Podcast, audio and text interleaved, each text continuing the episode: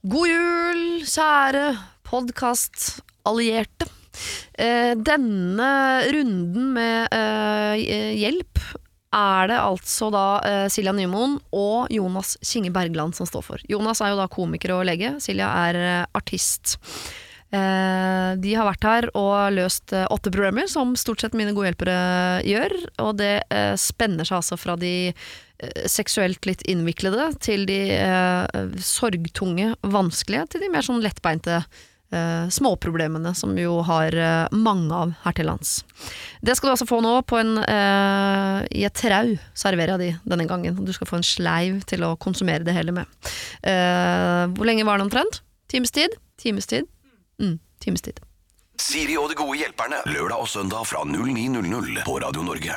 Helgens gode hjelper er Jonas Kinge Bergland, eh, lege og komiker, og Silja Nymoen, artist. Eh, jeg eh, er jo nysgjerrig på hvordan det går med dere, rent sånn, om dere har det bra innvendig, men også hva dere driver med rent sånn uh, i hverdagen. Jeg regner med du er på masse julekonserter nå, Silja. Det er jo alle artister. Skal begynne i, morgen. Å ja. Det er litt sånn Går Gå rundt og ordner. Men må kjøpe snø. Jeg må kjøpe snø som jeg kan spraye på et tre. Altså Sånne ting holder jeg på med nå. Men eh, er du også en sånn artist som plutselig forsvinner inn i kirken rundt Nei, det er det jeg gjør det motsatte. For det er så mange som gjør akkurat det. Sånn at jeg har gjort det motsatte. Dette er tredje året vi gjør det. Vi bare spiller på sånne buler. Det er sånn syndens bule. Ja. Helst ja, Chat Noir, da. Det er liksom der det begynte. Ja. Så det er litt sånne steder hvor du kan drikke drinker og være glad. Men spiller dere julemusikk? Ja, men ikke noe det, jeg, jeg er sånn at jeg later som det ikke er religiøst. Eh, en religiøs høytid. Det er mer sånn Men det er julemusikk, ja. Eh, Hva går de da? Pogues? Alt fra liksom eh, tropisk eh, Christmas Island til Grinch-låt til liksom eh, sinna-versjon av Last Christmas, hvor det er sånn skrik, skrikeversjon av Altså sånne ting. Ja. Veldig hyggelig, altså. Alternativ julestemning? Ja. Ja. Det er veldig gøy. Det er noe av det morsomste jeg gjør, Ja. syns jeg. Hele året. Ja, ja. Ja, så du gjør ikke det hele året, men det er noe Nei, av det morsomste du gjør i løpet av året. Og så sitter det juleplate òg, så nå er, det full, nå, er det, nå er jeg liksom i Med egen julemusikk, eller? Nei, eh, jeg skal da ikke skrive julemusikk. Nei, Nei, jeg jeg har tatt de låtene jeg syns er gøye. Ja. Eh, til elleve låter fra showet som jeg var sånn De kan vi spille inn. Og så hører det til, det, liksom. Ikke til forkleinelse for ting jeg har hørt nylig, men har du også prøvd deg på en variant av The Pogues? Nei, Nei. Eh, den liker jeg ikke. Da går vi videre. Jonas, hvordan går det med deg? uh, nei, det går fint, men uh, har du noen gang fått høre at det ikke går fint? Svarer folk ærlig på det? Ikke Veldig sjeldent, Ja, men og det eh, tror jeg handler om at man ikke har lyst til å svare hvis det egentlig ikke går bra. Men da eh, forspiller du din sjanse til å få hjelp òg, mener jeg, fra andre siden av bordet. Ja, men får du hjelp eh, for liksom Hvis man har, eh, har det vondt Oi. av to eh, radiofolk sånn bare på fem minutter? Ja. Kommer an på radioprogrammet. Nei. si. Av radioprogrammet som finnes der ute, så er sjansen best her. Hmm. Vet Negativt ikke. du var til dette. Vi kan jo kanskje hjelpe deg. Har du noe vi snakker om? Nei. For nå er jeg bekymra, nå tenker jeg at du har det skikkelig Ja, det vondt. tenker jeg òg. Ja, nei, jeg, bare, jeg bare eh, stiller spørsmålet om det er nyttig å spørre hvordan det går. Ja. Får man et ærlig svar, eller er det det. bare en, eh, en frase? Det er stort sett en frase. Ja. Absolutt Mm. stort ja. sett en frase. Uh, jeg lurer jo da på, det, uh, det er ikke fordi jeg ikke vet svaret, men jeg vil gjerne høre det fra deg. Uh, er det sånn at du som komiker, i likhet med artister, må ha julerelatert materiale nå i, i uken fram mot jul? Eh, ja, hadde Nå gjør jeg ikke så mye julebord akkurat nå, fordi jeg har en egen forestilling som jeg er på turné med, så da slipper jeg å tilpasse den til eh, årstiden. Ja, for du legger ikke inn noe sånn ho-ho-ho mellom vitsene der, liksom? Ingenting. Så, men ellers så ville det jo vært eh, firmajobber, julebord og sånne ting hvor man snakker eh, om noe rundt jul, da. Men eh, hmm, man må ikke. Nei, man må ikke. Nei. Har du hatt uh, standup i en kirke noen gang? Nei, det har jeg ikke. Nei. Eh, det, er det noen som gjør det i Norge? Har ikke hørt om det. Eh, Nei Prester, da? Nei da. Prester, ja. Det er blasfemisk å si nå før jul. Vi kan jo kjøre noe litt sånn julestandup Ja. i prestene. I sånne Har hatt standup sjøl en gang i et fengsel, og der var det sånn eh, det Der er- var fellesrommet også kirkerommet, så det var Jesus hang i én til én på korset bak der, ja. Ja. Åssen føltes det? Eh, Det var veldig rart i begynnelsen, men jeg syns det var rarere at det satt mordere foran meg enn at det satt en eh, At Jesus hang bak der? enn at Jesus hang bak, ja. Jeg føler vi nulla ut uh, karmaen ganske greit her, også med meg i midten. Deilig bilde på livet for øvrig. Ok, dere har det. Uh, jeg eh, jeg bare går ut ifra at dere har det bra, selv om du nekter å svare på spørsmålet, Jonas. Ja. Så, uh, fordi du ikke har sagt at du har det dårlig, så uh, sier jeg at du har det bra. Mm. Uh, Silja, du sa at du har det bra. Da Ja, jeg kjøper har jeg den av deg, på en måte. det. Jeg sover litt lite om natta, men bortsett fra det så har jeg det bra. Ja. Er søvnløs. Søvnløs. Ja, Det det kan kan jo doktor altså, Jonas du Bergland Jonas hjelpe deg med. kanskje Jeg klarer ikke å legge meg, så må jeg stoppe tidlig, og så, klarer jeg, så bare Nei. Jonas skriver ut noe greier etterpå. Ja, på takk. Ja. Gidder du? Gravid. Eh, men det er veldig mange andre der ute som har problemer, og vi skal nå altså eh, hjelpe så godt vi kan. Eh, dere skal få eh, åtte problemer av meg servert i en flott bunke. Du hører på Siri og De gode hjelperne, og denne episoden er faktisk sponset av osloskinlab.no. Eh, de har lagt merke til at jeg har runda 30. Gratulerer, jeg har også runda 40. Eh, og de kan fortelle meg at mitt kollagennivå den har sunket siden jeg ble 30. Og hvis jeg bare da tar kollagenpulver, så skal det ordne seg. Eh, og ikke bare da skal det forebygge og redusere synligheten av linjer og rynker på slapp hud i fjeset, men også over hele kroppen. Så tusen takk, da ble jeg oppmerksom på at jeg antageligvis også har rynker på kroppen. Det har jeg ikke tenkt over før. De skal reduseres asap! For å si det på den måten. Nå har jeg muligheten til å gi alle dere, da, mine deilige lyttere, 60% rabatt på første pakke med Solution. Eh, Da må du gå inn på osloskinlab.no, og så bruker du rabattkoden. Den har jeg valgt selv. Siri, med store bokstaver. Da får du 60% rabatt på første levering, og så får du 30% rabatt på neste forsendelse. Og det er ingen bindingstid, og så får du pakka rett i posten. Velkommen til den rynkefrie verden. Kjære Siri og de gode hjelperne. Jeg er en jente på 18 år, kaller meg Sofie. Jeg fikk meg kjæreste for ca. seks måneder siden, og vi har det veldig fint sammen. Problemet her er moren hans. Det er nemlig helt sykt klein stemning mellom oss. Jeg så henne for første gang for noen måneder siden, og siden da så har det bare gått i et kleint hei. Jeg er en ganske sosial person ellers, men nå fremstår jeg jo som en jente med diagnose. Forrige helg gikk vi forbi hverandre på gata, og ingen av oss hilste engang. Jeg cringer så sykt. Gruer meg hver gang jeg skal dit, og vil virkelig ikke at denne kleinheten skal fortsette. Og det hjelper jo ikke da at kjæresten min har sagt at hun syns det er kleint å møte meg. Hvordan skal jeg unngå at dette fortsetter? Hjelp meg ut av den kleine episoden ja, av Side om side. Altså hun føler seg fanget i en Side om side-episode. Hun eh, hun vil ha hyggelig stemning med svigermor, men har allerede kjørt seg fast i et kleint mønster. De har vært sammen i et halvt år, var det sånn? Mm. Hm. Men um, da ja, altså Den enkle løsningen er jo å slå opp, selvfølgelig. Så slipper du hele problemet. Absolutt. Og begynne på nytt med en ny svigermor. Bare skaff deg en ny svigermor, ja. Ja. Uh, men uh, Altså, det må jo Hvis hun har sagt at eh, hun også syns det er kleint, Ja. så må hun jo da spørre kjæresten kanskje litt ut hvordan er den beste tilnærminga å ta kontakt med henne på. Er det direkte konfrontasjon, eller er det at man skal lage en annen eh, vi setting der de alle tre er der, eller skal hun ta det én til én? Altså sånn, ja, han kjenner jo sin mor best.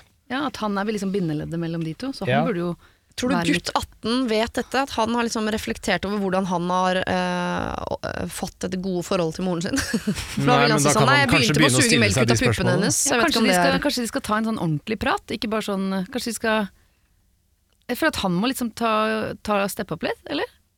At han, eh, han må sørge for at Sofie og mora hans får til en ordentlig Klarer å i hvert prat. å si hei, liksom. Det er ikke sikkert han er 18, da. Hun er 18. Å, kanskje han, Han er liksom kan være 36. 30. Ja, da skjønner jeg at det er kleint.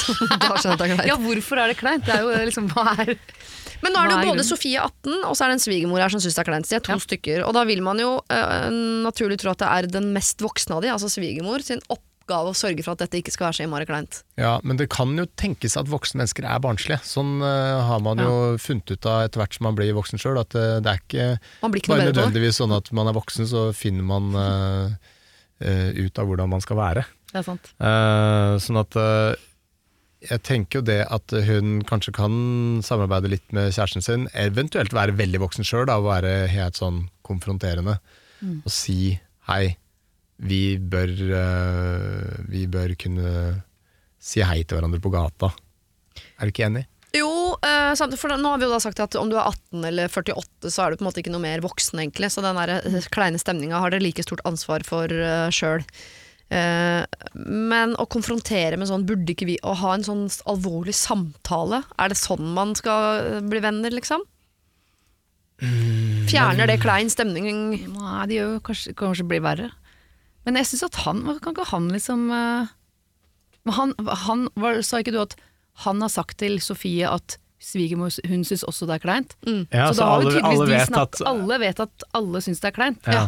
Så da må du jo Kan du ikke ta en ordentlig oppvask Nei, vent da, jeg veit ikke. For jeg er ganske fjernt, jeg er langt unna oppvask. Jeg er nesten jeg er nærmere sånn Kan ikke noen bare slippe en fis? Altså skjønner du, for Hvis det er klein stemning, så noen må, må Vi må bare liksom Ja, de få må bort den møtes rundt en, en, En eh, felles oppgave, Ja. eller at et eller annet knuser, eller noe sånt. Ja. At det var sånn her Å ja, så var det, nei, jeg vet ikke hvordan skal vi ordne det, så gjør alle et eller annet som er nyttig, og så samles du man rundt den. Mener du noe sånn knuse, altså en tallerken, liksom? Ja. Eller ikke en metafor for noe? Nei. Eh, Nei, ikke, ikke hjertet til noen. Nei, Det er vanskeligere å få til. det er sant. Eller Men- veldig lett, da, Ja, men det eh, kan være veldig lett. da. mm, vanskelig å fikse. Ja, ja, Mm. det er sant. Men eh, altså, eh, hvis vi dropper Jeg syns ikke de skal involvere han heller, når de er så unge. Jeg tenker at Hvis det er klein stemning mellom svigermor og Sofie, så må jo de to Det må jo de fikse. Det er jo ikke han som har skapt den kleine stemninga.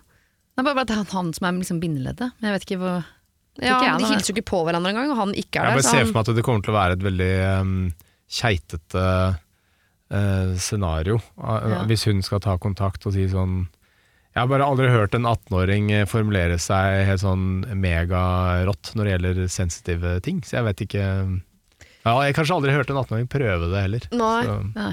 Men kan hun, for jeg tenker sånn, det kan jo hende at svigermor her syns at det er kleint fordi hun vet sånn Ok, nå har sønnen min fått seg kjæreste, det vil si at han har begynt med det. Nå at hun syns bare det er litt kleint, hele den der. At lille, søte sønnen min har plutselig blitt en voksen mann som driver ligger med andre mennesker og sånn. Det vært fint å vite hvor gammel han var, han var egentlig. Om han, Kan ikke bare si at han er 18 da. I okay, hvert fall ikke 36. Det orker jeg ikke. Ja, for det blir en helt annen Men kan hun spørre eh, svigermor om noe råd? ja, det kan, altså, du kan ha et eller annet sånn um, Må gi svigermor Ja, en funksjon. Hva tror du han ønsker seg til jul? Ja, det er perfekt! Her, ikke sant? Mm. Der er vi. Ja. Det var veldig lurt. Å, fy flate, det var Ja, lurt av nå meg. var det veldig Du som kjenner sønnen din selvfølgelig best av alle Ja. kvinner i hele verden. Du som er han nærm... Altså hun Ja. opphøyer hennes liksom, ja, ja, ja. rolle som mor. Hjelp lille dumme den. meg som bare er Mm. en statist i hans liv, til å kjøpe noe bra. Jeg mener ikke hun skal si disse ordene, altså, men sånn Og få hjelp, liksom. Så svigermor tenker sånn Ja, jeg, Ja, kanskje det er det, at jeg trengs. Ja, at hun, kanskje hun føler at hun- har tatt tatt da har hun en, eh, en Ja. veldig god unnskyldning til å ta kontakt uh, i hemmelighet òg, uten å Ja. involvere han og sånt. Nå? Nå var du lur. Altså, skulle tro jeg hadde gitt råd før, og eh, ja, det har jeg. det var fint. men da lander vi der. Sofie, du må ta svigermor til side og be henne om råd. Spørre henne. Du som kjenner sønnen din så godt, hva tror du han kunne blitt skikkelig glad for til jul? Så føler hun seg nyttig. Og du har jo fått i pose og sekk, egentlig. Kvitt klein stemning, fått god gave. Hei, kall meg julesynikeren. Jeg er 25 år gammel og har en søster som er 29 år gammel. Jeg ble nylig ferdig med å studere og har fått jobb. Ergo jeg har litt mer å rutte med til julegaver enn jeg hadde når jeg var student. Noe jeg syns er kjempedeilig! Jeg elsker å gi gaver jeg vet folk blir glad for, uten å måtte tenke at det må holdes på under 200-lappen. Min søster derimot er fremdeles student og har forståelig mindre penger enn meg for tida. Hun har også høy husleie, så jeg har inntrykk av at julegaven fra henne i år kan bli veldig liten. Det jeg syns er vanskelig, er nå har jeg funnet en vase som jeg vet at hun elsker. Den koster 800. En sum jeg vet er helt uaktuelt for henne å bruke på meg. Det kan hende jeg får en hårklype eller noe til 40 kroner. Jeg har fått det før, fra eBay. Er jeg helt ko-ko hvis jeg syns at det er urettferdig? Er det frekt å bli enige om en sum som skal gjelde oss begge, men som er tilpasset hennes økonomi? Eller skal jeg bruke mine penger på det jeg har råd til, og vet at hun ønsker seg, og slå meg til ro med at det kan bli omvendt en annen gang? Hun vet godt hvor mye den vasen koster. Eh, man må ikke under, um, undergrave gleden ved å se andres frustrasjon over at de har fått en gave som er utrolig mye bedre enn den de har gitt selv. altså, det er, gleden ved jul er jo ikke bare å få fine gaver, det er også å se at uh, det er noe mismatch der. Så det å gi den vasen til 800 spenn, Ja. når uh, du ser uh, måte, søster gir en hårspenne til 40 Altså, Søstera var 29, var hun det? Mm. Og hun her var 25 og ferdig studert. Ja, sikkert sånn irriterende hun flinke lillesøsteren som bare kom som en eh, kanonkule. Ja. Men da tenker jeg sånn, gleden ved å gi en vase til 800 som hun vet at hun ønsker seg, den er fortsatt større enn å problematisere at du får en drittgave tilbake igjen. Ja, For det er jo øh, Det er helt greit at man får en drittgave tilbake igjen. Det er et langt liv hvor man skal øh, gjennom mye rart, og så er det denne gangen så, så det. vant du, på en måte. Og hvis det ikke eh, noen gang da, sånn snur, så gjør jo ikke det noe. Vil jo si at Hvis du eh, herfra ut er den med best økonomi, så er det vel ikke så farlig om du da stort sett gir dyrere gaver. Nei, Er det, så, er, er det egentlig liksom noe big deal? Er det, men er det sånn at hun ikke har lyst til å gi den fordi at søsteren skal føle seg liksom kjip for at ikke hun gir noe dyrt tilbake? Eller er det det at hun føler at Eller hva er det liksom Nei, jeg får inntrykk her av at det er julesynikeren som syns det er litt vanskelig å tenke på at det blir urettferdig i lengden hvis hun kjøper dyre ting ja. og får billige ting tilbake. Ja, for at det, Da forsvinner jo noe av poenget sånn med gaver. engangstilfelle Ja. så skal det jo ikke ha noe å si. Men altså hvis det er faktisk en hårspenn da, til 40 spenn, Ja. Så er jo ikke det en gave engang. Det er jo bare sånn, Man sier tanken som teller, men hva ligger bak den tanken? da? det, Hvis det er bare noe sånn ræl, bare sånn vær så god. Hvis det er Ja. noe du som ikke koster nødvendigvis noe mye, men hvis du har lagt masse kjærlighet i noe, lagd noe sånn spesielt til en person som du vet liksom, de ville bli rørt av, eller det kan være liksom et noe, noe veldig banalt, men liksom et dikt, da, eller noe, jeg vet ikke. Ja. Så Hvis jeg hadde fått et dikt, ja, nei, ikke i hadde du det på for Da, Ja, men da meg. eller Da vil jeg heller ha Tegn- hårspenn. tegn- tegning til deg. at jeg skal fremføre dette diktet for deg. Ja. All Ja, vær så god jul. Nei, men altså at det er noe, liksom, noe med litt mer baktanke enn Eller baktanke, det var feil ord. Hva heter det? Jeg skjønner Jo, det er Omtanke. Ja. Omtanke, Enn mm. bare liksom en eh, Jeg fant henne på Nille, liksom. Vær så god. Ikke noe mot Nille, men altså. Jo, sant? men jeg, jeg, dette synes jeg er like vanskelig hvert år, for det er noe med sånn, hva er en gave egentlig? Fordi uh, det skal jo ikke være en byttehandel heller, og jeg Nei, skjønner er at de fleste blir jo enige om en sum. Det gjør vi, også gjør det med noen i familien, sånn, hvor mye kjøper du for til mine Mm. barn og tilbake og sånn. Men samtidig, hvis jeg hadde funnet noe jeg virkelig ville gi til en jeg var glad i, Mm. så, og jeg har råd til det, så handler det jo ikke om pengene. Eh, så da ville ikke jeg tenkt på sånn, men hva får jeg tilbake? Da har jeg tenkt sånn, Denne har jeg lyst til å gi til deg, den skal du få av meg. Men det som blir kleint, er jo hvis du syns det er vanskelig å få noe dyrt av meg, og så vet Ja. du at du har kjøpt hårklype tilbake. Ja. Men jeg får ikke helt inntrykk av at det er dette som er problemet her, men det, det Nei, burde jo virker være som om det bare er en sånn innarbeida greie at uh, de uh, har litt mismatch på det. Ja. Men um, da kan hun bare begynne å gi dyrere og dyrere og dyrere. Helt til det blir helt sånn åpenbart at dette begynner å bli idiotisk. Ja. Uh, Er det kanskje er løsningen? Dyrere og dyrere og ja, dyrere. ja. Men bil Ja. God jul, da. Takk for klippa. Jeg har bestilt den nye skuddsikre Teslaen. Kommer, eh, kommer i mars. Men eh, Jeg ga deg bare en CD, jeg. Med, CD er gøy nå. mm. Mm, jeg kjøpte CD. Men var det Som du aldri får spilt. Du kan bare henge den ute som fugleskremsel. Men skal hun si fra på forhånd? Er det en løsning? Jeg bare spør. Nei, Nei. kan ikke gjøre det. Jeg kommer til å kjøpe noe dyrt til deg. Nei. Ja, men for da, må, da føler jo hun et press til å Ja, den skulle- derre vi blir enige om prisgreia er tåpelig, for da er det en byttehandel, som du sier. Ja. Så man eh, må si sånn Du kan si sånn Å, jeg har funnet den perfekte gaven til deg, som jeg vet du ønsker deg. Ja. Og Det, ikke sant? Ja. eh, den eh, Jeg gleder meg til du får den, liksom. Da skjønner du at det er et eller annet. Ja. Eh, og så, så kan du si sånn ja, Det er kanskje litt sånn ja, Jeg vet ikke hvor mye penger vi skal bruke på det, her, men jeg velger å bruke dette her allikevel, jeg. Og så bare lar du den henge, og så uh, slipper du en sånn røykbombe, og så blir du borte i røyken. Ja, ja. Og så når røyken har lagt seg, Bilbo, hvor er du? Og så møser du på julaften. I Mordor. Ja. Du må også kjøpe en røykbombe i tillegg til den vasen. Ja. Som du må. Men for jeg tenker, Hvis du har lyst til den vasen, så kjøper du den vasen, gir den vasen. Og hvis du ser liksom på julaften at det skjer noe i øynene til søsteren din i den, i den eh, åpneren, at hun blir mørk til sinns, tenker sånn herregud, dette er flaut, så kan man jo si sånn jeg vet at vi ikke ble enige om oss Eller jeg vet at vi vanligvis ikke gir så dyre gaver, men jeg hadde virkelig Ja. virkelig lyst til å gi deg den vasen. Ja, og så må du ikke se prisen, for det er det verste jeg veit. Når folk gjør sånn. Den kosta 800! Så Sånn, Nei, Og så en ny røykbombe. og så Du forsvinner må du. kjøpe to røykbomber. Kjøp tre, da, så har du en ekstra. Da begynner det å bli dyrt igjen. Men er vi enige? Jeg, jeg klarer ikke å bli helt klok på hva vi eh, mener her, men syns vi Vi tar en ja- og nei-runde på slutten her. Skal hun kjøpe denne vasen til 800? Ja. Ja. Skal hun si fra på forhånd eller i etterkant hva hun har kjøpt og hvor dyrt det var? Nei, Nei. Skal hun si noe i det hele tatt? hun skal si Hvis- 'jeg gleder meg til å gi deg denne Hvis gaven'. hun ser despera eh, eller mørke i øynene hennes på julaften så kan, Men jeg tror hun kommer til å se glede i øynene hennes på julaften. At hun blir Ja. sånn 'shit, fikk den vasen'. Så trenger hun ikke å si noe da. Det er bare sånn, Gleden av å gi. Ja. Men følg med litt på det om lyset slukker øynene Ja, hennes. Hvis hun kanskje tenker sånn 'herregud, da må jeg kjøpe noe dyrt'. At dette bare skaper problemer på sikt. Ja. Så har du lagd en hun klient. får den, og så ser du bare det blir helt svart, og så begynner hun å snakke sånn Og så blir hun en demon ut av å få den vasen. Nå leste han rart. at når du sa mørke i øynene, så tenker han demon. Vet ikke, jeg tenker Ja, var det jeg tenkte. Ja, det var det du gjorde, ja. Ja. ja, jeg tok feil, jeg da. Ja, det var dumt. Nei, eh, lykke til, god jul, sier jeg eh, Sofie. Eh, Kjøp den vasen hvis du har lyst til å gi den vasen, men ikke tenk på da hva du får tilbake for den vasen. Det er jo ikke en byttehandel, det skal jo være en gave. Siri og de gode hjelperne. Lørdag og søndag fra 09.00 på Radio Norge. Jeg har en mor og en far som har vært tidvis hardt alkoholisert gjennom livet. Men jeg har hatt en fin oppvekst, jeg altså. Men jeg ser nå i voksen alder at de i perioder har eh, sklidd ut litt. Men de tar seg sammen når vi er på besøk med barna osv. De er aldri sinte eller ufine eller Og nå på sine eldre dager så har de blitt enige om å kutte alkoholen helt ut. De har meldt seg på kurs og greier. Og jeg heier på det, altså. Men nå til jul så har de ønsket seg at alle i familien kutter alkohol. De sier at de ønsker oss alt godt i våre liv, og at dette er viktig. Altså, de virker helt nyfrelst. Og det er bra, men skal jeg ofre min rødvin for dem? Oi.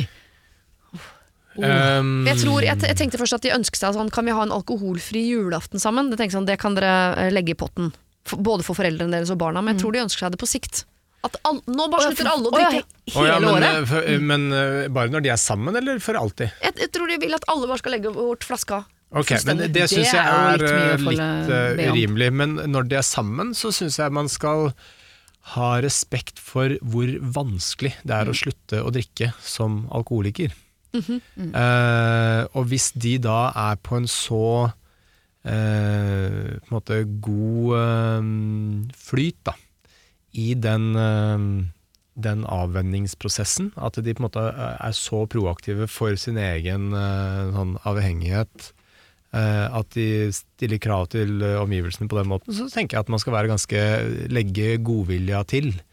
Ja. Eh, og si sånn mm, Ja, altså sånn i felles selskap og, og sånne ting, så, så kan man jo sette noen regler, i hvert fall, da. For Ja. alles alkoholinntak. Men eh, sånn at de, alle skal bli avholds for at de har valgt å slutte, det, det henger ikke på greip. Er det sånn at uh, avhengighet runs in the family på mange måter. At de, at de med, helt sånn legitimt kan være bekymret på vegne av barna sine, for de vet at dette, dette sliter vi med, så det kommer kanskje dere også. Dere er disponert for å bli avhengig av en annen Eh, svaret på det er ja. Ja, Mm. Så avhengighet har en eh, tendens til å gå i arv. men da er det kanskje ikke så dumt å slutte med alkohol nå før de har blitt avhengige, mens det ennå bare er noe som er er Nei, altså det er ikke sånn at nødvendigvis alle må bli alkoholikere fordi at du har foreldre som er eh, alkoholikere, men eh, la oss si da at de to som begge er alkoholikere får, har en ungeflokk på ti personer, så er det ikke helt usannsynlig at en eller to av de ungene blir alkiser. Men hva med de inngifte, som ikke er i slekt med de? Ja. De har jo ikke noe gen der. Nei. Nei. De kan ha ei lita lerke på innlomma eventuelt. Ja. De, altså det er veldig gøy at de som ikke er alkoholikere, har begynt å smugdrikke på, Så det er de som blir alkoholikere? Nei, uff, vent da. Det er, vel, ja, det er dumt. Snudd hele greia på huet, for det er det de starta Ja. med, de Ja, eh, som eh, da har blitt alkoholikere. Men jeg syns jo ikke det er helt og Stopp meg nå hvis jeg er helt ute å kjøre. Jeg har ikke eh, studert medisin i åtte år, eller hvor lenge det er dere må holde på. Eh, Dere, mener du? Dere to, ja. ja Silja og Jonas.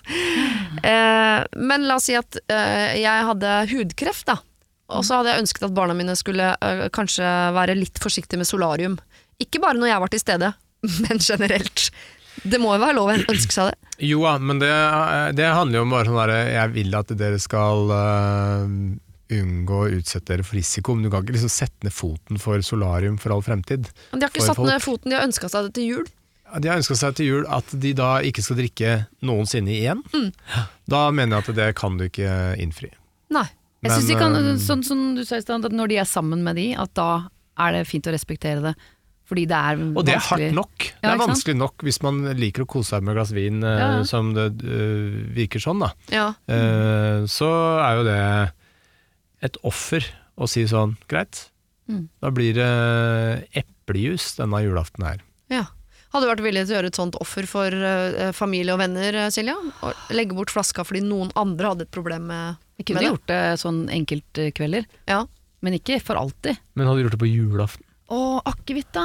Jeg må trøkke ned s- flesk, flesk jeg skal spise, med noe. Jeg må trøkke det ned med akevitt, så jeg trenger jo den. Det er jo medisin, Ja. ikke sant? Ja. Neida, men jeg kunne, jeg kunne ha, ha ofra meg liksom Det er litt Men det har vært litt eh, Det hadde vært kjedelig, hadde vært men, kjedelig, men, men, eh, altså, respekten for dine foreldre som Ja. da har klart å slutte å drikke, den, er, eh, den er skyhøy. Ja, Eh, og nå har vi jo ikke diskutert det mulige eh, motviljen til å innfri et ønske til noen som kanskje har utsatt eh, familien for veldig mye eh, stress da, Ja. ved å være alkiser. Liksom. At den godvilja der kanskje ikke så eh, sånn Og hva mener du at de skal trasse i sånn Dere gjorde at min eh, oppvekst var litt grann sånn uh, humpetitten, liksom. Så da, da Jeg har ikke noe å gå på, jeg. Da skal jeg bare eh, Jeg skal Ja, Vi kan tenke oss at det er en faktor inn i bildet, Ja. men liksom sånn um, Så vi får bare anta at det er gode relasjoner, da. Mm. Så vil man jo da burde respektere at de her øh, har tatt det valget å gjøre gjør en megainnsats. Ja, å, Det er veldig bra at de har begge to gått sammen, og nå skal Ja. vi slutte. Det er jo Så det er, det er jo Ja. Men så bruker de et ord her som jeg tipper er sånn Vi trenger ikke å problematisere det, men de sier sånn De er helt nyfrelst. Og jeg må innrømme sånn uh, Dette er andre helgen på rad jeg snakker om min mor som har slutta å røyke noen ganger opp igjennom. Og i de periodene hvor hun har klart det, så er hun også sånn nyfrelst. Det er utrolig irriterende når, å høre henne sitte og beskrive hvor fantastisk livet er uten røyk. Og jeg tenker sånn Trenger ikke fortelle meg om Da det. får du i hvert fall lyst til å.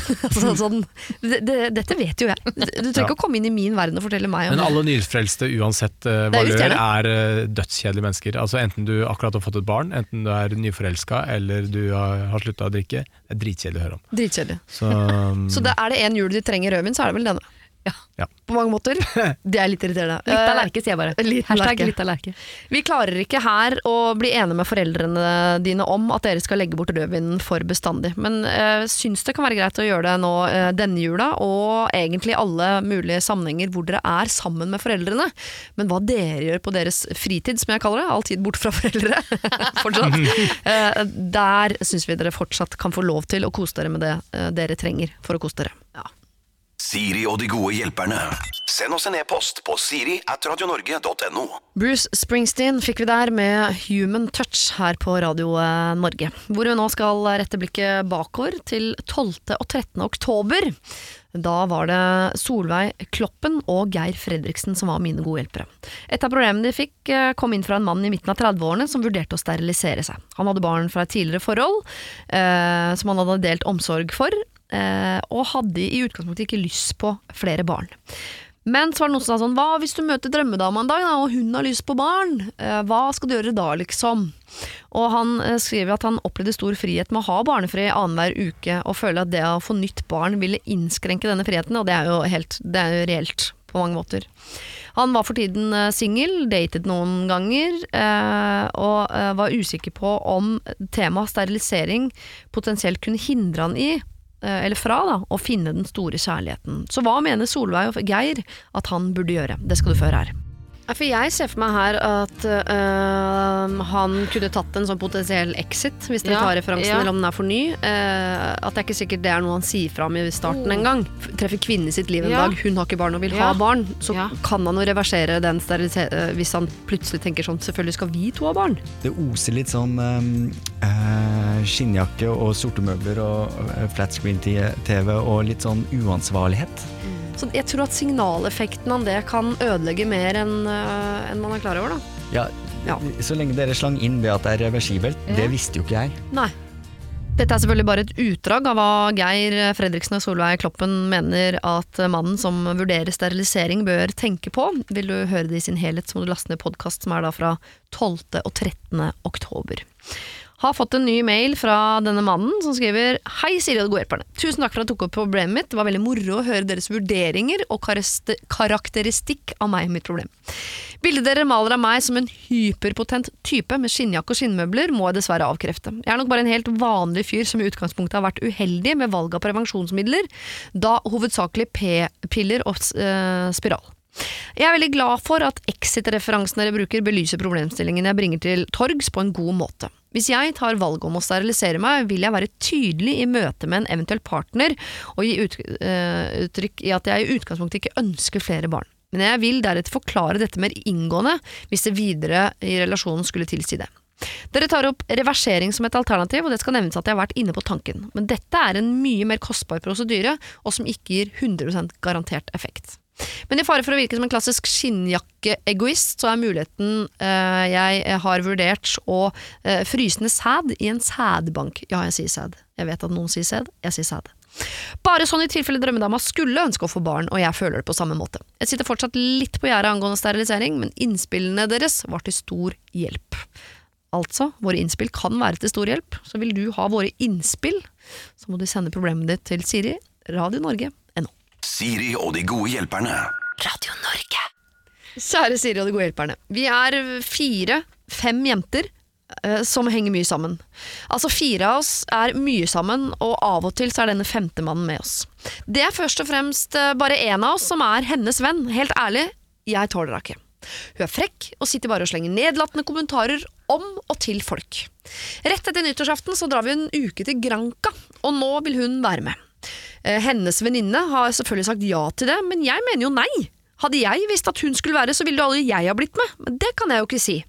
Jeg har gledet meg, og jeg har spart i et år, og nå herper hun det. Er det noe jeg kan gjøre her? Eh, bare, bare spørre en ting. Ja. Siri, Ja. Er det deg? Nei, nei, nei, nei jeg skal Er du den, Jeg Er sender du meg er du den du som- femte, eller er du den som skrev er av første, andre og tredje. Nei, jeg sender meg inn i mye av dette, men ikke, ak jeg skal ikke til Granca etter jul. Det kan jeg Nei, røpe. så du kan jo man Hvor kan gamle er de? Unnskyld, sa du det? Nei, Det står ikke. Nei, Jeg, tipper de er sånn 20 år. Fordi jeg, ja. Er det ikke mulig å ditche hele opplegget? Si at jeg kan ikke Jeg har øh, Oi, det var noe jeg skulle. Altså, da går hun glipp av den turen hun har spart og gleda seg til et år, da, bare fordi hun eh, siste irriterende slang seg på på i siste liten. Men den turen blir jo ikke noe morsom. Hun kan dra på en annen tur, hun har masse penger nå. Kan bo på et annet hotell. Ja. For det, det, det er ikke noe hun, hun kan ikke på en måte si høyt at 'jeg vil ikke at hun femte skal være med'. Nei, det blir vanskelig, ass. Men er de andre også Er det bare hun som ikke liker henne, eller hva, eh, Ikke sant, er det De er fire, og det er i hvert fall én som liker henne veldig godt. Og så er de da tre, og av de tre så er det en som absolutt ikke gjør det, og de to i midten vet vi ikke. Blir ikke det litt spennende? Det Kan være litt sånn intriger og sånn på tur. Det er jo, kan være en spennende ferie. Kan jo ta det som en slags eh, oppdragelsesreise, da. At uh, man uh, på en måte Si fra litt. legger inn noen små ting som utfordrer hun, hun som hun irriterer seg over, Mm. som skaper en situasjon hvor du kan få adressert problemet. Sånn typ, jeg, En oppvasktur. jeg har en venninne som, som var på sånn jentetur, og så var det en uh, av de jentene som var helt sånn sykt nøye på økonomien. Altså alt skulle være sånn ned til minste krone hele tida. Ja. Og så, uh, og det var et eh, problem, og så var det i butikken en gang, så sto hun uh, i kø, hun kjipe, Ja. og hadde noen varer da.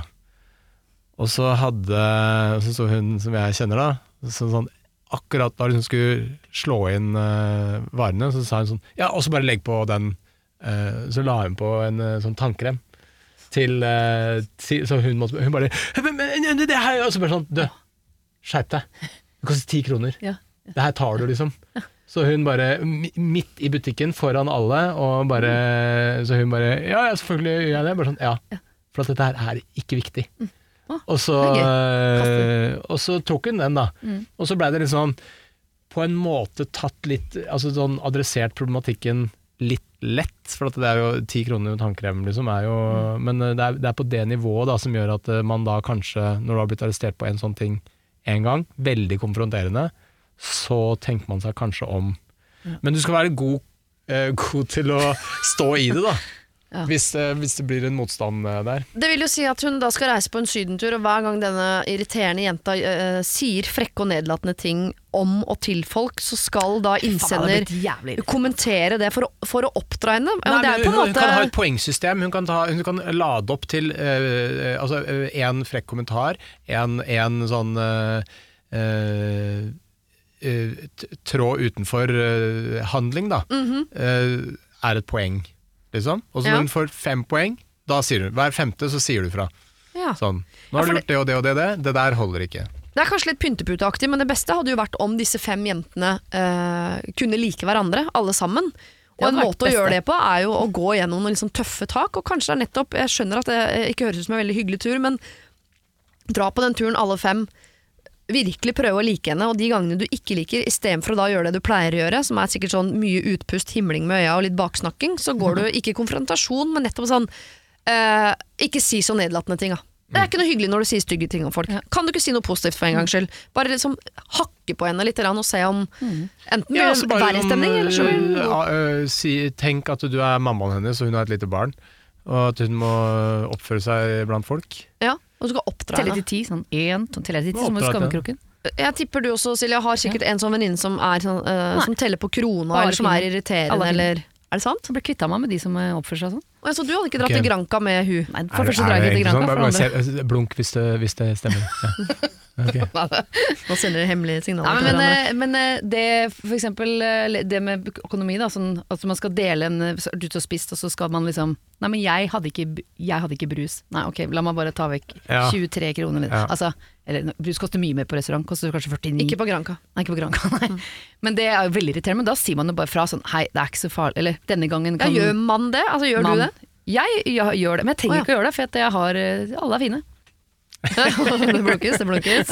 Det, nei, men det, er, eh, det jeg tenker da, er jo at det, det, det blir jo kanskje en litt slitsom ferie. Det blir jo slitsom ferie, men, hvor gamle er de? de er, eh, nei, det visste vi ikke.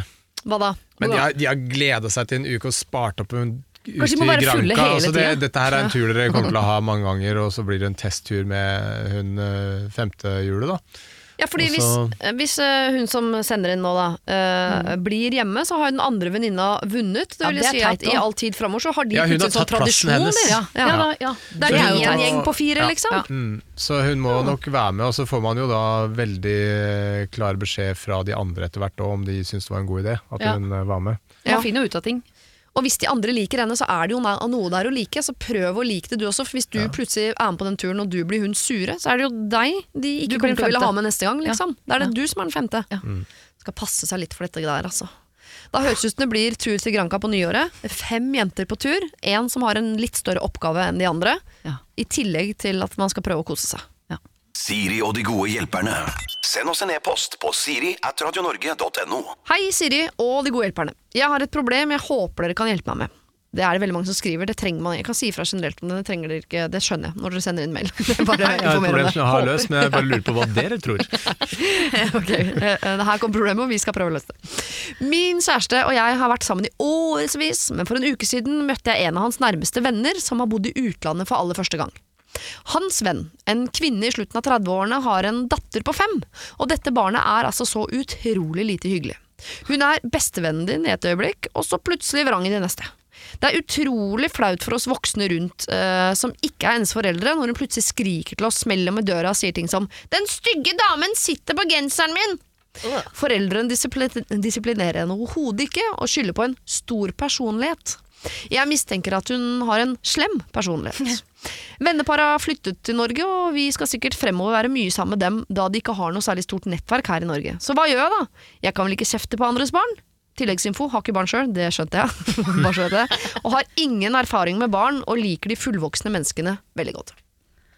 Altså, Da mener hun ikke fullvoksne menneskene i verden, men De foreldrene to til barnet. Ja. foreldrene. Jeg syns at man kan få lov å kjefte på andres barn hvis det barnet skriker dritt til deg, liksom. Ja. Ja, det syns jeg. Du, må få si, du kan ikke oppføre deg sånn. Du kan ikke si sånn til meg. Kanskje de til og med hører med på deg fordi du ikke er en forelder. Ja, jeg lurer på Ja. det, men hvis man sier det på en litt pedagogisk måte Nei, nå ble jeg provosert med å si 'hold kjeft'. eh, fem... Nei, ikke gjør det. Men ja, jeg, det ble Nei, for at du, Hvis du sier sånn 'hold kjeft' og er tydelig Nei, sint, så blir jo en femåring Redd, blir jo litt. Ja, er litt redd og Ok, Okay, jeg tar tilbake akkurat det, men, Men hvis, du, si hvis du sier sånn Det uh, syns jeg ikke du kan si, og bla, bla. Hvis den er sånn oppsetsig, så må du si sånn Ok, da må du til mamma, liksom.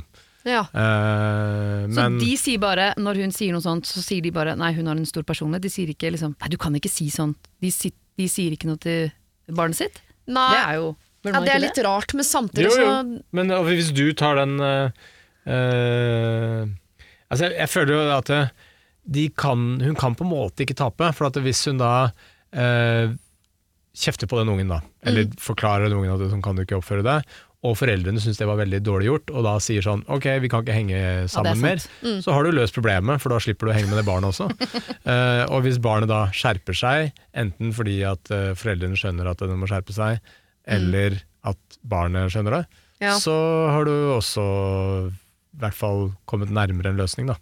Ja. Ja bare, eh, dette kunne jeg sikkert snakket om timevis, det skal jeg absolutt ikke gjøre. Men ehm, eh, hun er bestevennen din i ett øyeblikk, og så plutselig vrangen i neste. Det høres Er ikke ut det- som det er barn? Er det- Ja, det er barn. Ja. Barn heter det. Ja. Det er sånn de holder på. Ja. Uh, og da er det om å gjøre ikke bli barn tilbake, på Ja. mange måter. Ja. Altså Som voksen skal man svelge ganske mange uh, flere kameler enn det barn skal gjøre. De driver jo og utvikler seg. Ja. Og jeg tenker at dette barnet her med denne store personligheten, som vi voksne ofte sier om uh, barn som er litt vanskelige, eh, er jo, det trenger antageligvis ikke mer kjeft. Det er en grunn til at foreldrene ikke kjefter. Enten er de lei, eller så ser de at dette barnet her Det er ikke kjeft nødvendigvis. Det er veldig ofte at man tenker om barn som gjør noe de ikke skal, så er det grunnen til at de gjør det, er at de ikke har fått beskjed om noe annet. Sånn er det jo ikke. Det er ikke sånn at man har glemt å si fra til barna sine at de skal oppføre seg ordentlig. Det er jo bare fordi av en eller annen grunn så gjør de ikke det allikevel. Og da tenker jeg at en fremmed dame kommer inn og er sånn streng. Jeg tror Man ikke blir jo ikke streng. noe- man bare- si kan sånn, bare forklare si hvordan det, hvordan det er for folk rundt når sånne ting ble sagt eller gjort. Ja. Hvis du sier det, så blir jeg skikkelig lei meg. Du kan ikke si Ja. det til folk. Nei, det kan nå man blir si. jeg, vil jo at jeg skal være lei meg. Altså, ta noen sånne vinklinger, kanskje. Sånn, ja, 'Å, vil du ha genseren din?' Unnskyld, men jeg liker ikke at du kaller meg stygg dame. For du syns vel ikke at jeg er det? Eller? At man tar noen sånne, Ja, sånne, ja.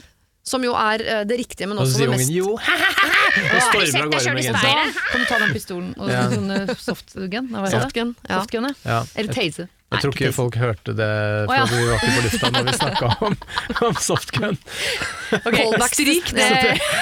Det var noe vi snakka om i pausen. Ja. Glem det. Eh, Stryk det jeg sa nå. Skyt barn med Ikke skyt softgun barn var med softgun. eh, Vi går, bare gå videre. Altså, akkurat det rådet tror jeg ikke de kommer til å ta. Nei. Uansett. Eh, Å, jeg ble varm. Men kan disse vennene finne på å bli irriterte fordi uh, Selvfølgelig kan de det, Ja, men eh, de kan også skjønne at de har et irriterende barn med seg. det vet jeg. Ja. Ja. Så hvis noen andre rundt sier sånn Ok, du, uh, du kan ikke si det. Mm. Og de sier sånn hvordan, hvordan våger du å snakke til barnet mitt? Sånn, Nei, men du gjør det jo ikke. Det hadde vært det mm, Ja. Jeg bare sitter her som mor på andre siden av bordet og har jo to nydelige barn eh, med stor personlighet.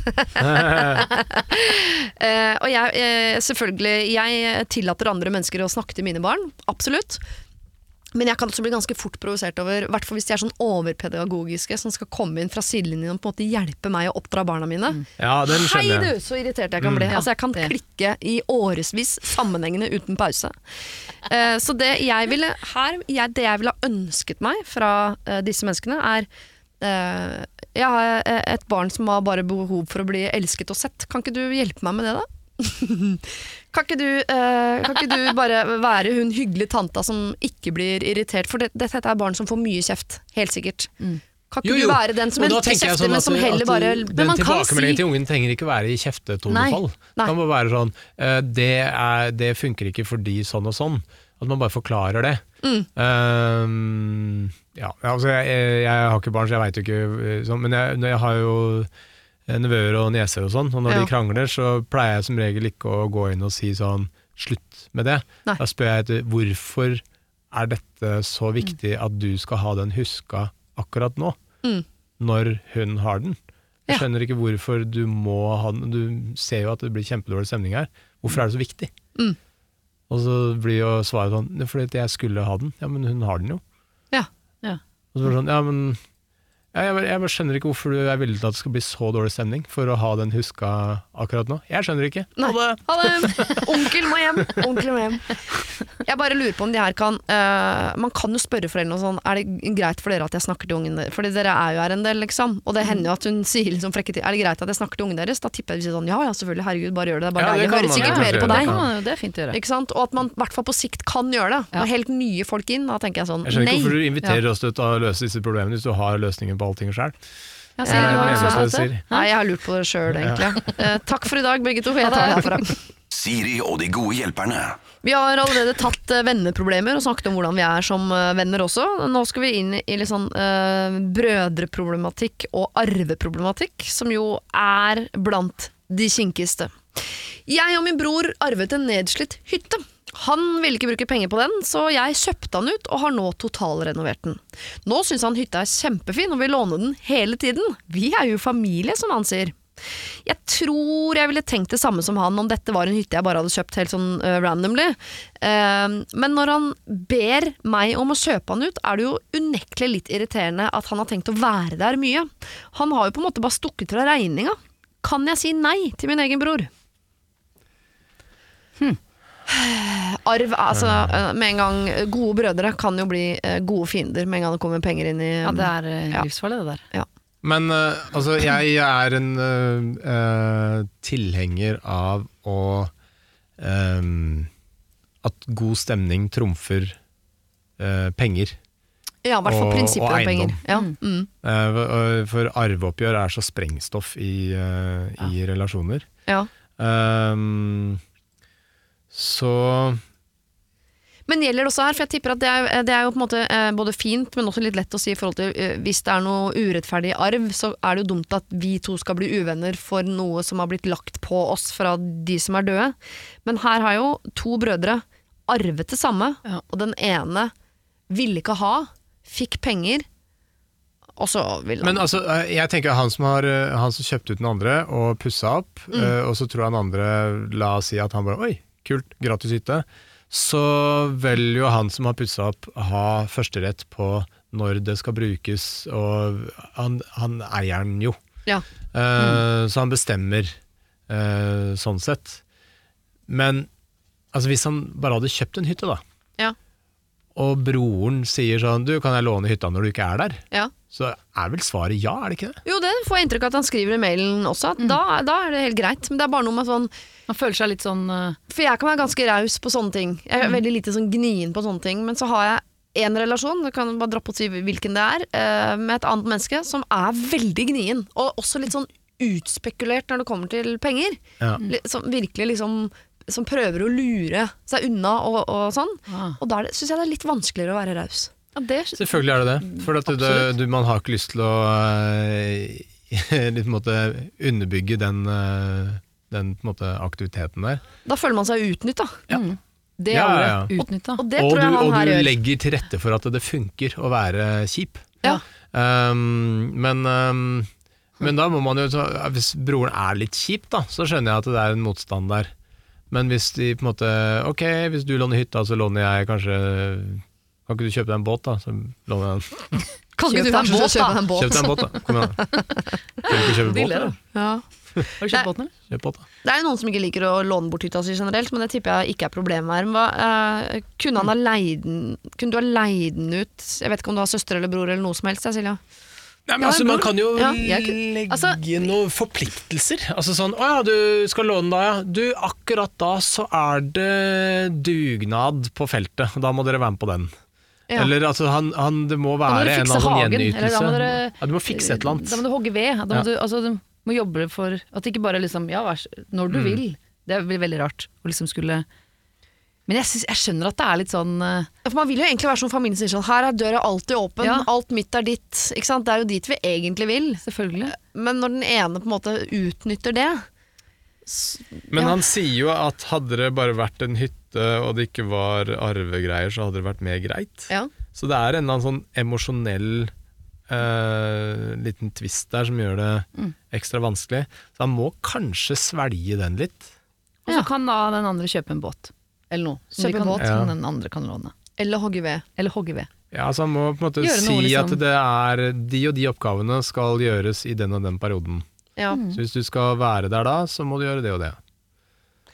Ja, og så får han heller kose seg med at det jeg på en måte har betalt for, og som jeg da har fått, er det at den er min. Det er jeg som Mm. Er bestemmer både ja. om hva- hvordan det ser ut der, og når jeg skal bruke den osv. Ja, ikke sant? så det er jo noe med, da får man jo større eierskap til den hytta, og det er jeg som eier eh, verdien også hvis man får lyst til å selge den på et eller annet tidspunkt. Det er sant. Men jeg syns han kan be broren sin sånn hogge ved. Ja, må gjøre noe, liksom. Ja, male en vegg. Pløye jordet? Nei, det blir for mye. Pløyet jordet er gøy. Kan du Pløye et et jorde? Hvilket som helst. Ja, har du en traktor eller en hest, da? Nei, det, det må du kjøpe. Ja, men faen. Og så har jeg helt, så har jeg helt sorte og hvite linser utover gulvet. Fint hvis du sorterer de før du drar. Og det er ingen duer i området som kan fikse det. I hvert fall ikke som du kjenner. Nei. Ingen du kjenner der. Ingen, ingen duer du kjenner.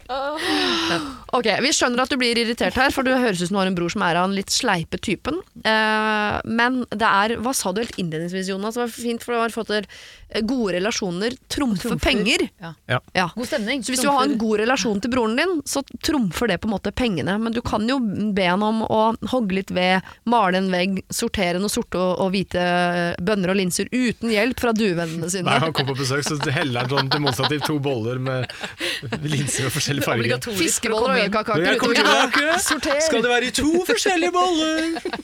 God ferie! Er det du som er stemmen? Ja, Knut Risan. Det er der som er Knut Risan, ja. Faen, det var helt likt. Hei, Siri og de gode hjelperne.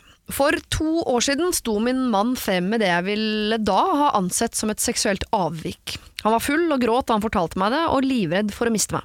Uten å gå i detalj, så er dette en fetisj. Jeg etter litt googling har skjønt at han er ikke alene om det, men det er rimelig sære greier. Han ba på sine knær om ikke jeg kunne bli med han på dette, men det kan jeg altså ikke. Jeg klarer det ikke, ikke fordi det er slemt eller vondt, farlig eller ulovlig, men i mine øyne er det bare sjukt og ekkelt. Men jeg har kommet meg videre fra å dømme han. Det gikk lang tid før vi i det hele tatt kunne ha normal sex sammen, fordi jeg hele tiden tenkte på hva han egentlig ville gjøre. Men vi har kommet oss forbi det til en viss grad. Det dukker opp, men jeg får det bort. Det er verre for han. Jeg ser at frustrasjonen hans øker. Han elsker meg, men han har en side han ikke får levd ut sammen med meg, og jeg blir da redd for å miste han. Så, for å holde sammen så ser jeg bare to utveier på dette. Enten må jeg bli med på greiene hans, eller så må jeg la han utøve dette med andre. Hva tror dere vil være enklest å leve med? Kall meg Solveig. Jeg blir så Jeg nysgjerrig. vet man blir så nysgjerrig. Hva er det? Jeg klarer ikke å tenke på noe av den, og hva de Er det regnfrakk? Er det regnfrakk? Tisse på i regnfrakk? Ja, det må jo være noe eh, på tissing, eller eh, kle seg ut som et eller annet, eller Ha på bleie. Ja, ha på bleie har jeg Ha vært på Ja, innom. det kan jo være litt Det kan være spes. Sånn der eh, drite på seg og sånn. Ja. Jeg bare tenker at Eller det er noe Eller kan du kle seg ut som kvinne, eller Men uh, altså, jeg Hmm. tror at uh, hvis du uh, stenger av for en sånn veldig indre trang av seksualitetskarakter, Ja. så, så finner den et utløp. Du må i hvert fall- i hvert fall få et utløp. Ja. Altså, den får et utløp. Så Ja. han kommer til å enten være utro, eller, eh, eller gjøre det slutt, liksom. ja. Eh, tror jeg. Fordi at eh, de kreftene der er vanskelig å stoppe, ass. Ja, For den seksualdriften der, den tror jeg altså, eh, Den Det er eneste jeg ser for meg, er en sånn vannballong som fylles og fylles og fylles, Ja. så Altså, er det ikke en ventil der, så, så sprekker den. Folk liksom som, som har seksualitet som da er kriminelt å utføre, gjør det fortsatt. Selv om de ja, vet hvor eh, stigmatisert eh, det er, Ja. og de vet hvilken skade de påfører andre, Ja. så gjør de det På et eller annet tidspunkt gjør de det. Så, så den der, der siver ut på en eller annen måte. Men da er det jo helt eh, konkret og prekært det hun skisserer her, eh, nemlig at hun har to valg, enten bli med eller la han eh, utøve det med andre. Ja. Hva med at, uh, Nå vet vi ikke hva det er, men hvis hun sier at det ikke er noe vondt eller farlig eller uh, Hun sier at det er sjukt. det var Det er sjukt. ja. Ja. Fader, hva er det da? Hva er grensene Ah, hennes sånn- for hva som er sjukt, da? For sånn, han skal ta meg bakfra! Jeg nekter! Ja, det, hva er sjukt for det? Men det kunne vært sånn at kunne prøvd liksom med baby steps eh, liksom Kanskje det er babysteps? Kanskje baby Bruk babysteps problemet. vær At så hun liksom prøvd å liksom Ok, prøve å, prøve å være med liksom bare Men må ha noe sånn safe word og bare Nei, nå, nå må vi stoppe, eller og hvis, Ja, og hvis det er bare sånn Dette her kan jeg ikke være med på, så kanskje Ja, altså man må, må, ha en, man må ha en, eh, en, eh, en stopp. En stopp, ja, ja, men at hun liksom kunne i hvert fall eh, liksom, Kanskje nå tenker hun at bare. Å, det her er det verste jeg har hørt noen gang, men la oss si det er noe som jeg blir så fryktelig Jeg klarer ikke Ja, å slutte å tenke jeg- på hva det er. Men altså, la oss si det er å gå med bleie, da. At han vil at hun skal låse en, han inn i et bur, og han har på seg bleie, Mm. og, for eksempel. Da. Så kanskje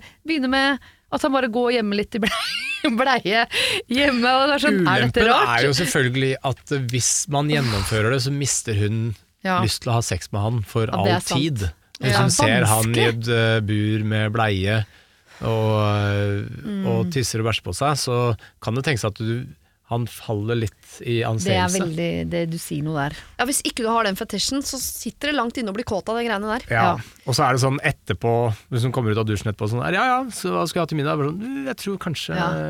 Men og, jeg- det at, og det at kanskje vanlig sex blir da at hun ikke klarer å Ja, men De må jo inngå en deal på at de må, de må det også. For det er noe med at Hvis hun skal være med å tilfredsstille han, så må jo han også innimellom være med på å tilfredsstille henne på den måten hun liker det. Og det, da kjører vi standard eh, seksuelt Ja, samkvem. ja, det er greit nok, men Ja. det må jo være jævlig tungt for henne da å vite at hun har Ja. sex med han resten av livet, og bare vet at han egentlig vil noe annet.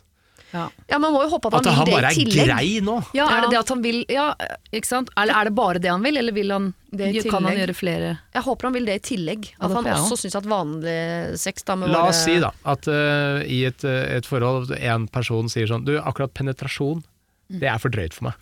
Ja. Ja. Men uh, vi kan, vi kan uh, hverandre onanere hverandre og, og oralsex, liksom. Det går Ja. fint. Ja. Men penetrasjon, nei, det, det er ikke helt min greie, altså. Så det går ikke. Altså, hadde jo ikke funka.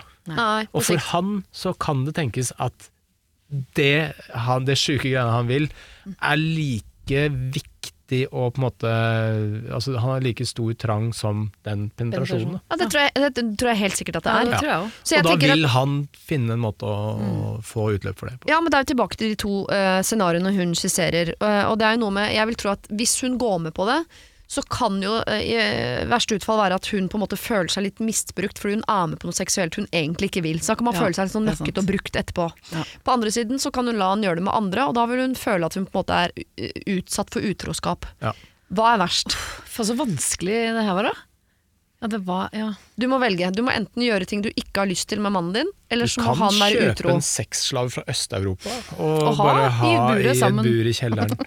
Som Jo, jeg, jeg, nå, nå høres det ut som jeg syns det var en kjempeidé, men det vil jo si at han gjør det med noen andre. Ja, det er sant. Da kan han vel like sett bare gjøre det med noen andre Ja. som han ikke har eh, Men, skaffet seg via eh, trafficking. Nei, altså, så man, eh, det er jo det der med mm, Altså Det går på akkord med deg sjøl, både det at du er med på noe du ikke vil, og at han eh, du, du mister litt den derre Å se han i den rollen, da, gjør at det også er jo noe som, som ødelegger liksom. noe. ja. Um, Men er det så ille at han Du vet at han tenner på dette.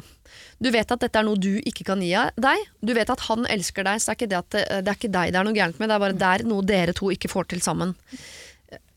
Skal hun på en måte bare sette han fri seksuelt, sånn at han kan få utløp for dette et annet sted? Mot at han, det er deg jeg kommer hjem til, det er deg jeg elsker, det er deg jeg har vanlig sex med, men denne delen av meg lever jeg ut på Høres en ut som det er vanskelig liten klubb i deal å få dratt i land eh, med andre Altså Må du i en eller annen klubb, da? Eller? Jeg må sikkert Ja, må- til Berlin, da. Jeg tipper han Må bare nysgjerrig på hva Ja. dette er. Og så var det så lett, mye lettere hvis du visste hva det var. Du kan ikke skrive en ny Du, Hvis du hører på noe, Send ny mail. skriv en ny mail. Hvis du hører på noe, håper du Jo, hører men det er det samme som- det er er jo noen som åpner opp for um, Som har åpent forhold, for eksempel. Det er jo ikke helt ulikt, bare at da har han Nei, det er ikke helt ukomplisert heller. Det kommer jo an på Nei, hva slags forhold de har, jo. og hvordan de er som mennesker. eh, Jeg tror det er som- ca. like tungt å bære den der utroskapen der som det er å bære og ikke eh, tilfredsstille han seksuelt ordentlig Ja. for resten av livet. ja.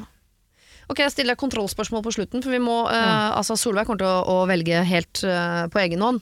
Uh, men dere må velge. Kjæresten deres får enten lov til å ligge med andre, eller må ligge med dere på en måte dere syns er utrolig ekkelt. Hva velger du, Jonas?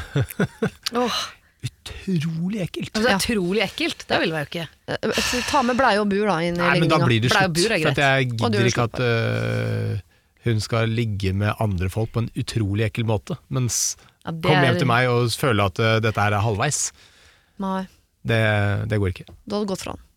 Eh, Henne, i ditt tilfelle da, Jonas. Og du da, Silja? Nei, altså, Det kommer litt an på hva Hvis det hadde vært at han skulle ha på seg en bleie og sitte i bur Ja. innimellom, men han At det var bare det, også, men ville ha vanlig sex og var liksom Mm. Så kunne jeg liksom prøvd å skjønne eh, Men hvis det var sånn perverse Nei, det er vanskelig det der. Ja. Vi klarer ikke å lande på noe altså. Svare. Solveig, vi klarer ikke å lande på noe her. Vi skjønner at begge deler er eh, vanskelig, så du må jo bare lete inn i hodet ditt på hva du syns er, eh, kan være lettest å leve med, og så må du prøve det. Og funker det ikke, ja, så funker det ikke, da. Da har du i hvert fall prøvd. Siri og de gode hjelperne. Lørdag og søndag fra 09.00 på Radio Norge. Kjære Siri og de gode hjelperne. Jeg er forelsket i en mann. Han er forelsket i meg. Vi er begge lykkelige for første gang på mange år. Så hva er problemet? Jo. Jeg er ung enke, han er ung enkemann. Vi har mistet hver vår altfor tidlig. Så ja, vi har antageligvis funnet hverandre i sorgen, men det har utviklet seg til noe mer. Min mann var god venn med min nåværende kjæreste, og jeg var god venninne med hans kone. Våre barn kjenner hverandre fra før, de har vært på ferier sammen. Ja, vi kunne feiret jul sammen, vi var tett. Men det, kan, eh, men det har aldri vært noen gnist mellom oss før. Vi var begge lykkelig gift på hver vår kant. De døde med bare noen måneders mellomrom, og midt i all sorgen var det fint å ha noen å dele prosessen med både før og etter det tragiske utfallet. Men hva nå? Vi føler jo at vi er utro, vi sniker oss rundt, vi gjemmer oss for venner, vi gjemmer oss for familie, spesielt barna, og folk i byen. For hva vil de si? Byen kan jeg takle, men barna? Kan vi utsette dem for dette? Og da skriver hun i parentes eh, at det er fem barn totalt, to i barneskolealder, tre i ungdomsskolealder. Kall oss Maria og Josef, skriver hun. Altså, de er kjærester. De har opplevd noe forferdelig. Eh, Kommer barna til å forstå.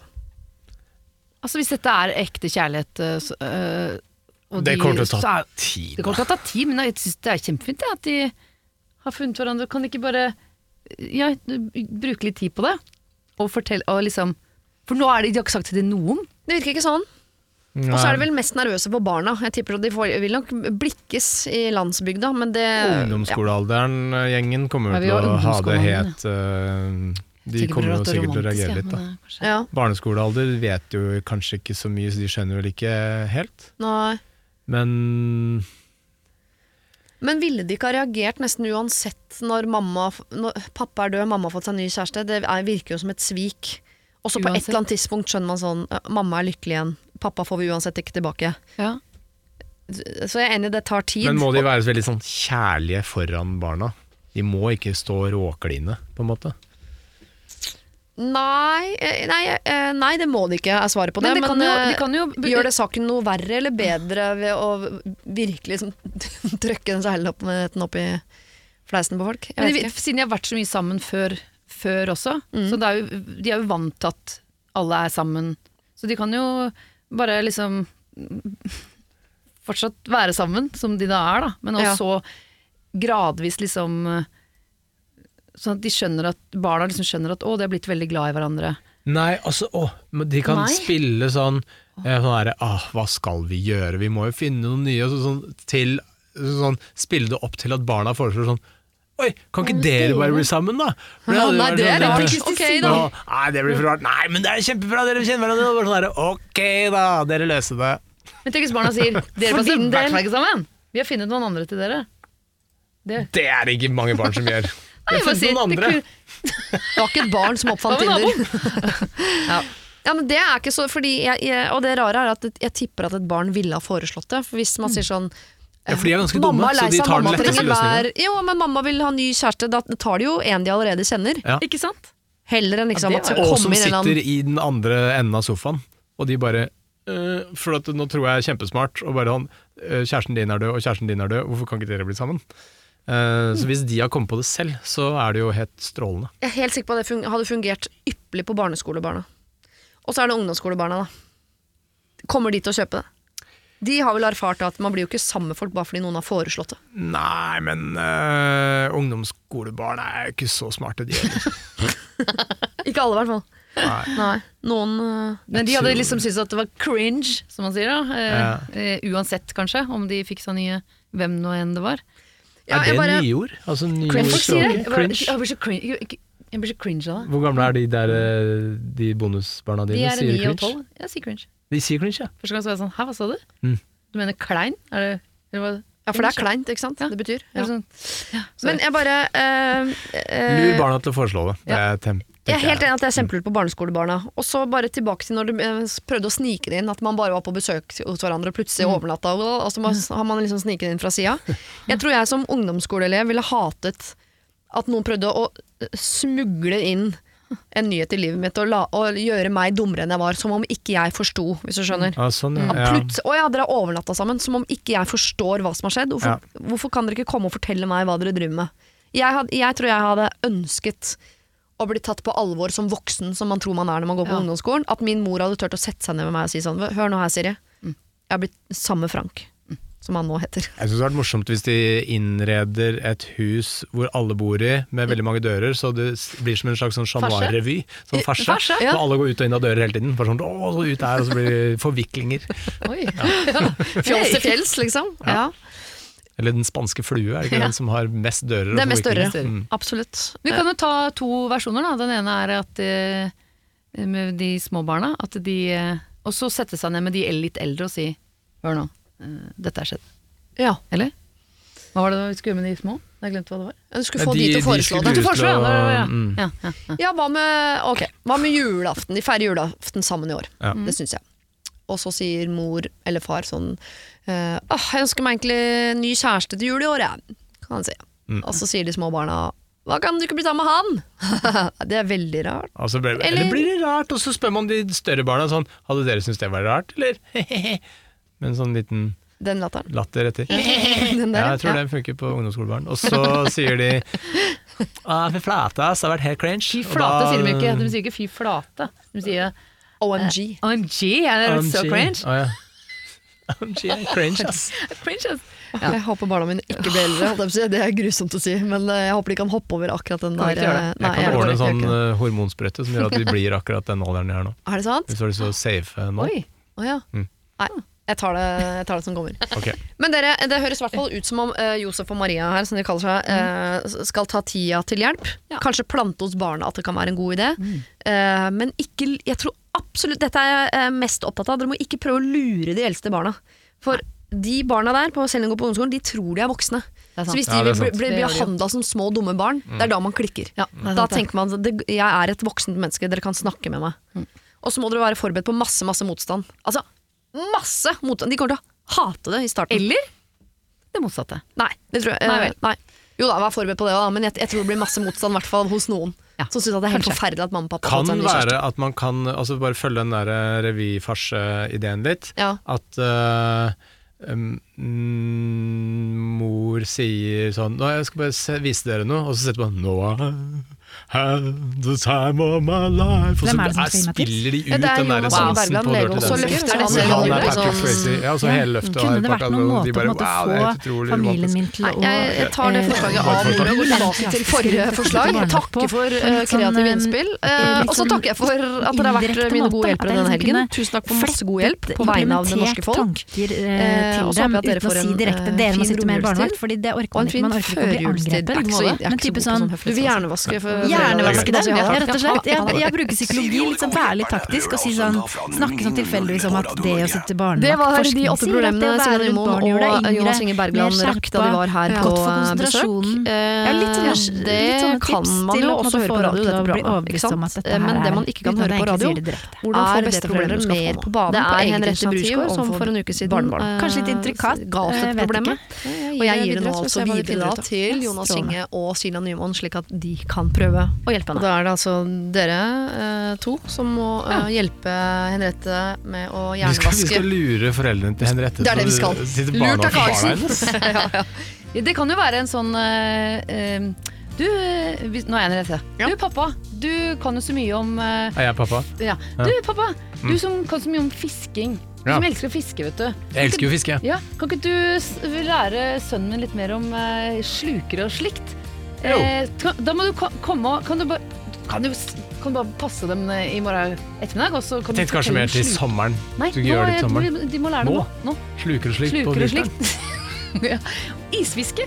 Isfiske, Eh, hvis du kunne Mm. tatt eh, og, og, snakka litt eh, fortell- Man blir på hytta, du, da. Nei, men du må ta det hjemme. Og så kan dere leke med lekefiske. Han har noen lekefisker, så kan du lære han om det. Hva syns du? Gjør det. Hæ? Jo, men det er ikke så, er ikke så dumt, det, eh, skjønner veldig bra spilt, forresten. Men eh, jeg, det er ikke oh, så dumt. Ikke så veldig bra spilt? Jo, Eller jo, jeg mener at det er bra spilt. For det er noe med at jeg tror besteforeldre mm, ofte føler seg som en litt sånn fremmed i det. Føler sånn at de nesten eh, kommer inn, og så er de til låns, og så forsvinner de ut igjen, så er det lenge til neste gang. Og sånn. Men hvis de får en egen relasjon til barna, som ikke Mm. Ja. handler om at Ikke jeg bare sant. Mm. passer fordi jeg tilfeldigvis er pappaen til mammaen din, sånn. men vi to vet du, vi har jo fiske sammen. Ja, vi gir dem en Ikke sant? felles hobby Ja, som gjør at uh, dette må opprettholdes fra, fra den uh, personen som da har den felles hobbyen med det eventuelle barnet. Man må juge ljuge og si sånn Man må finne ut hva foreldrene sine er veldig opptatt av. Så man later som sånn vet du, Jeg syns jeg ser at uh, Veslefrekk med fele også er veldig opptatt av de greiene du liker godt. Jeg kan jo ikke noe om det. Der må du inn. Ja. Du vet den gode napoleonskaka du baker? Min toåring er veldig glad i å bake eh, trolldeig. Kan, kan, ikke du lære toåringen å lage napoleonskake? Ja. Eller, Eller- ja. Ja. Eller helt konkret, som jeg gjorde i fjor med min svigermor. Kan du fast en gang i uka bare hente et av barna på skolen og være sammen med han i noen timer? Vær så snill. Så hyggelig. Gjorde hun det? Ja. Ja. Hver tirsdag. Og funker. Ja, ja, Hvordan, ja. Da fikk de sånne tirsdager sammen. det har de, det er, det er skape en egen relasjon. Det er fint. Skap egen relasjon. Ja. Ljug, skap egen relasjon. Ljug, ja. Ja. Så Ljug masse. tipset er ljug. Og, og ikke si at jeg, Henriette, jeg trenger at du sitter barnevakt fordi jeg skal noe. Nei, nei. Kan du sitte barnevakt for å få bedre relasjon til barnebarna dine? Ja. Og så tror jeg noen ganger man kan be om barnevakt også, selv om man ikke skal noe. Ja. Si sånn, ja, hva skal dere? da? Nei, vi skal ingenting. Tenkte kanskje det bare var hyggelig for dere. Bare for å plante det frøet sånn. Ja. Er det ikke hyggelig å være sammen med barnebarna sine, kanskje? Mm. Plante et aggressivt frø. Siri og de gode hjelperne. Lørdag og søndag fra 09.00 på Radio Norge. Dette var da det eh, Jonas og Silja mente kunne være lurt. Eh, jeg bare minner om at dette er eh, da hjelp som kommer fra to mennesker som selv ikke har barn. Jeg, bare, jeg nevner det. Eh, De har også fått lov til å stille et problem eh, videre. Det er et problem de begge to støtter på i sin bransje. Det får du da på neste podkast, som slippes om en uke. Og hvem skal løse det problemet da? Jo, det kan jeg fortelle deg. Det er Åse Kleveland og Else Kåss Furuseth. Har du problemer du tenker at Åse og Else kan løse, så send det til Siri. Alfakrøll. Radionorge.no.